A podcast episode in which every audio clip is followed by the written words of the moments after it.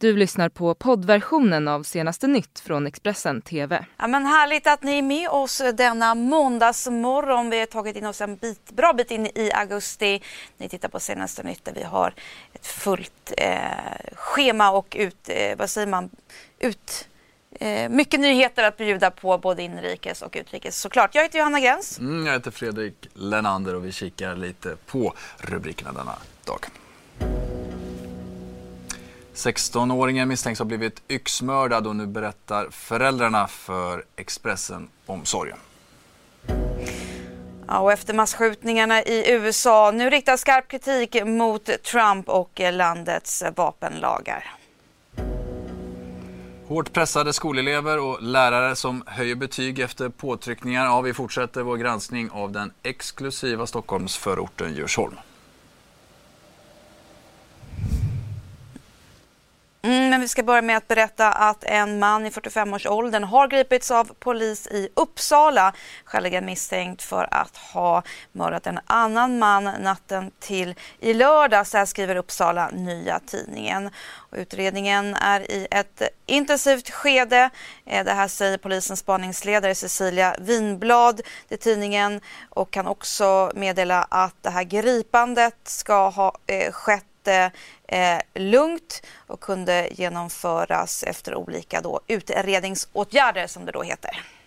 Offret ska vara en man i 35-årsåldern som eh, hittades då efter klockan ett natten mot lördag blödande i ett trapphus i stadsdelen Eriksberg i Uppsala. Då.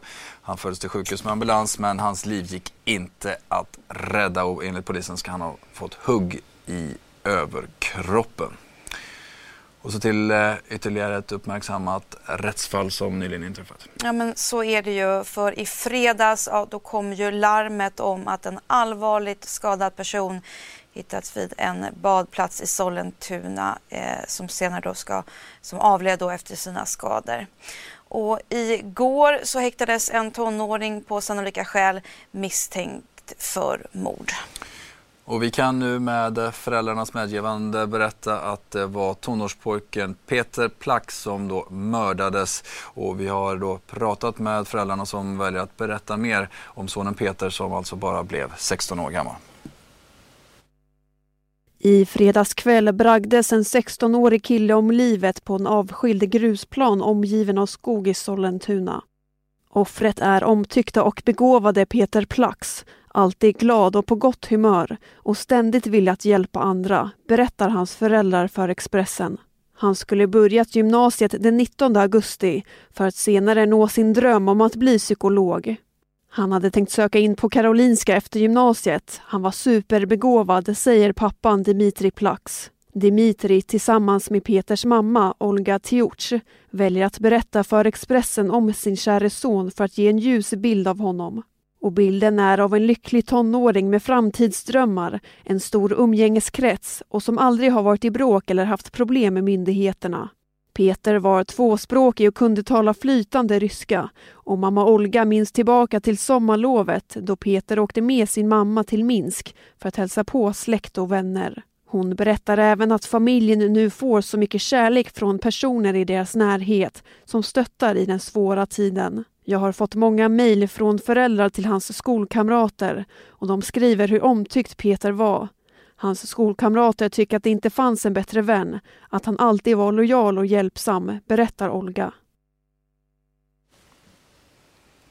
Mm, och eh, som sagt under gårdagen så häktades eh, den tonåriga pojke alltså som misstänks för att ha mördat sin kompis i Sollentuna. Och trots den tilltalades unga ålder yrkade åklagaren på minst två år i fängelse samtidigt som pojkens advokat säger att hans klient erkänner brott men inte mord. Vi ska ta och lyssna på hur eh, försvarsadvokaten Carl-Oskar Morgården analyserar det här fallet. Det är ju extremt ovanligt såklart och då tänker man ju Eh, Eh, genast på att det kanske finns någon psykologisk förklaring till varför han har, eh, har gjort på det här viset. Någonting annat har jag liksom svårt att föreställa mig skulle kunna förklara varför han har begått ett sånt här allvarligt brott mot eh, en jämnårig person som tydligen också ska ha varit kompis till honom då. Och tonåringen är nu häktad med fulla restriktioner. Skulle du kunna berätta vad det innebär? Alltså, när, när, domstolen ska ta ställning till om ett barn ska häktas, då, då ska man först eh, ta ställning till om åklagaren har utrett om man kan ordna någon eh, betryggande övervakning på annat sätt. Och då brukar man ibland kunna eh, placera den, eh, barnet då på ett slutet ungdomshem. Eh, det har man inte tyckt varit tillräckligt här uppenbarligen. Och eh, det kan ju vara för att man man ser att det finns en stor risk att han skulle kunna påverka utredningen om han inte placeras på, på ett häkte. För det är ju bara egentligen på ett häkte som man kan ha full kontroll över vilka kontakter han har med, med omvärlden. Då. Så tydligen har man kommit fram till här att skälen för att häkta honom är så pass starka att, att det överväger att, eh, att han är så pass ung som han är då.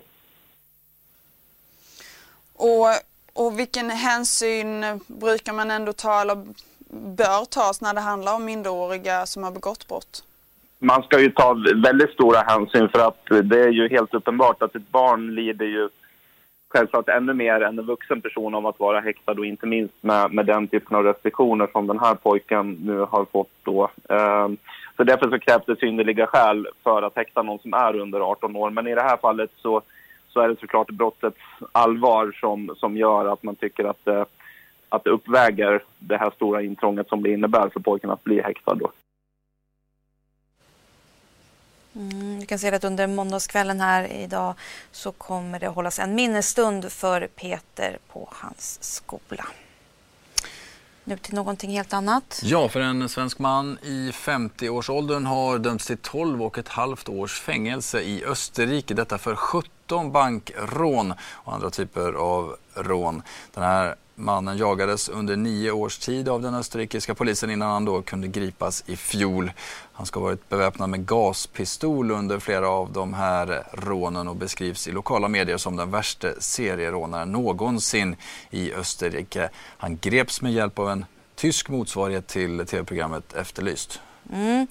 Och han har i österrikisk eh, media beskrivits som akademiker då han har en examen i tyska och har arbetat som översättare. Tidigare har mannen begått eh, brott i både Sverige och Danmark men valde att fortsätta eh, till Österrike eh, eftersom han hade läst att landet var ett paradis eh, för bankrånare. Det här skriver alltså medier i Österrike. Till USA och de dubbla massskjutningarna som vi tvingats rapportera om den senaste tiden. Det är ju bara på bara mindre än ett dygn som eh, skjutningar inträffat i både El Paso, Texas, där minst 20 personer dödades och bara 13 timmar senare då ytterligare 9 döda i Dayton, Ohio. Och eh, flera krav har riktats mot president Donald Trump mot att landet då måste skärpa vapenlagarna.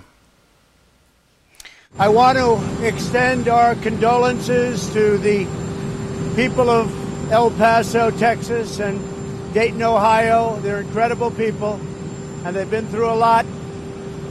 I just want to also thank the law enforcement in both places. The job they've done is incredible. I also want to congratulate them. I mean, nobody could have done what they've done. This could have been as bad as it was, it could have been so much worse. I just have to thank them. We're talking to a lot of people, and a lot of things are in the works, and a lot of good things. And we have done much more than most administrations, and it does, it's not really not talked about very much, but we've done actually a lot. But perhaps more has to be done. But this is also a mental illness problem. If you look at both of these cases, this is mental illness. These are really people that are very, very seriously mentally ill. So a lot of things are happening. A lot of things are happening right now. Ja, att inträffa två stycken såna här massskjutningar på mindre än ett dygn, det är otroligt nog inte ovanligt. Detta menar USA-experten Frida Stranne när hon var med oss tidigare. Sedan skolskjutningen i Sandy Hook som jag tror de flesta svenskar kommer ihåg eh, där 20 små barn och sex vuxna sköts till döds 2012 så har det faktiskt eh, varit 1600 massskjutningar i USA. I genomsnitt är det en om dagen och med massskjutningar menar man när det är mer än fyra döda inklusive skytten. Så det här är ett väldigt vanligt fenomen i USA. Vi hör inte alls talas om alla här i Sverige utan de vi hör om det är ju de som då får eh, ett extra antal eh, eller stort antal döda som den här tragiska händelsen nu då igår och eh, även idag på morgonen. Men det är, oerhört vanligt förekommande fenomen och eh, en, en väldigt het politisk fråga i USA. Mm, kommer såklart att fortsätta att eh, rapportera och uppmärksamma detta som då har skett i USA den senaste tiden. Vi ska nu över till Hongkong eh, där det nu har i över två månader pågått våldsamma protester eh, och och eh, missnöjet i staden fortsätter att storma. Situationen har beskrivits som en politisk kris och den grundar sig ju i främst då i ett mycket kontroversiellt lagförslag som skulle då göra brottsmisstänkta eh, eh, då ska kunna lämnas ut till Fastlandskina för rättegång. Något som stadens ledare Carrie Lam senare meddelat eh, inte då kommer att gå igenom. Men trots detta så fortsätter vi se våldsamheter på Hongkongs gator. Mm, under gårdagen så sköt polis återigen tårgas mot demonstranter och eh, nu uppmanas det till massstrejk under dagen här idag. Vi hör eh, återigen Matt Rivers som rapporterar ifrån det här tumultet. Alright, so what we're seeing happen right now is police, after having retreated temporarily, they are now making their way, pushing protesters back. They've easily fired dozens of tear gas canisters so far in this neighborhood. This is called Causeway Bay. It has a lot of commercial shops, very popular with tourists, and you can see, look down the street there. It is completely filled with tear smoke from the dozens of canisters they've used. You can see here, there's an empty shell. This is some of the CS gas, commonly known as tear gas, that's been used a, a lot by these officers here as it continues to happen. On the other side of that police line, further down the street, there are thousands of protesters that have been out here conducting, you know, what someone calls civil disobedience and someone called merely vandalism, cutting power lines to telephone poles, creating barricades, basically causing havoc here in this part of the city. It's yet another day of violence here in Hong Kong. This now seems to be the rule rather than the exception. There were peaceful protests earlier today, but the people that are here had no intention of being peaceful tonight. They knew this was going to happen. You can hear the volleys of tear gas. It continues here in Hong Kong. And I can tell you, there are people who live in this area. A lot of residents we've seen hanging out of windows looking at what's going on tear gas could get into their apartments and they're not ready for it. It's a very chaotic scene here in Hong Kong and it's going to continue for some time. Matt Ritter, CNN in Causeway Bay, Hong Kong. Mm, eh, vi ska gå vidare och vi ska ta oss eh, tillbaka till Sverige för Expressens Matilda Nyberg och Mikael Syrén de har granskat eh, den exklusiva kommunen Djursholm som efter Netflix-succén störst av allt hamnat eh, i hela världens vardagsrum. Och skolorna i Djursholm har höga antagningspoäng och ett gott rykte. Många framstående familjer placerat sina barn där genom åren. Bland annat flera av hm familjens arvingar har läst på Viktor Rydbergs gymnasium. Men lärarna på de båda gymnasieskolorna vittnar om betygsinflation och föräldrar som kräver mycket av skolans personal.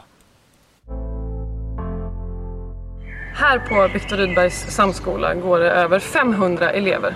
Mittemot ligger VRG, ett av Stockholms mest ansedda gymnasium. Elever från hela Stockholms län slåss om att få gå där. Men när vi har pratat med lärare från de båda skolorna så berättar de om en orimligt hög föräldrakontakt. Elever under stenhård press hemifrån och rektorer som sitter i långa möten med missnöjda familjer. Ingen av de kritiska lärarna vågar prata öppet om detta. Men det här är deras anonyma vittnesmål. Föräldrarnas önskemål är alltid viktigast. De ser lärarna som tjänstefolk. Föräldrarna hör av sig direkt om de är missnöjda med sitt barns betyg och i många fall får de höjt. De poängterar noga att liknande problematik förvisso finns på många skolor runt om i Sverige men att det ändå är annorlunda här i Djursholm. Alla elever har siktet inställt på samma mål Handels eller möjligtvis läkarlinjen. Om de verkligen är lämpliga för det vet man inte. Eleverna är väldigt pressade att ha bra betyg. De gråter och undviker att gå till skolan om de får ett B istället för A. Skolchefen Kristi Lundström menar dock att föräldrakontakten inte går över någon gräns. Do parents email and parents call? Sure, they're interested in following their students' work. Mm. But you know, we have to find that balance together. But I don't see a higher rate of that as compared in one school to another. What I see is in different schools, different parents engaged at different levels.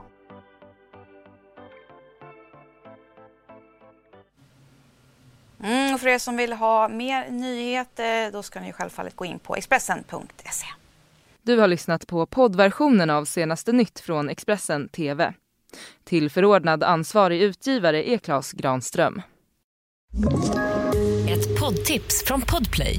I fallen jag aldrig glömmer djupdyker Hasse Aro i arbetet bakom några av Sveriges mest uppseendeväckande brottsutredningar går vi in med hemlig telefonavlyssning och, och då upplever vi att vi får en total förändring av hans beteende. Vad är det som händer nu? Vem är det som läcker?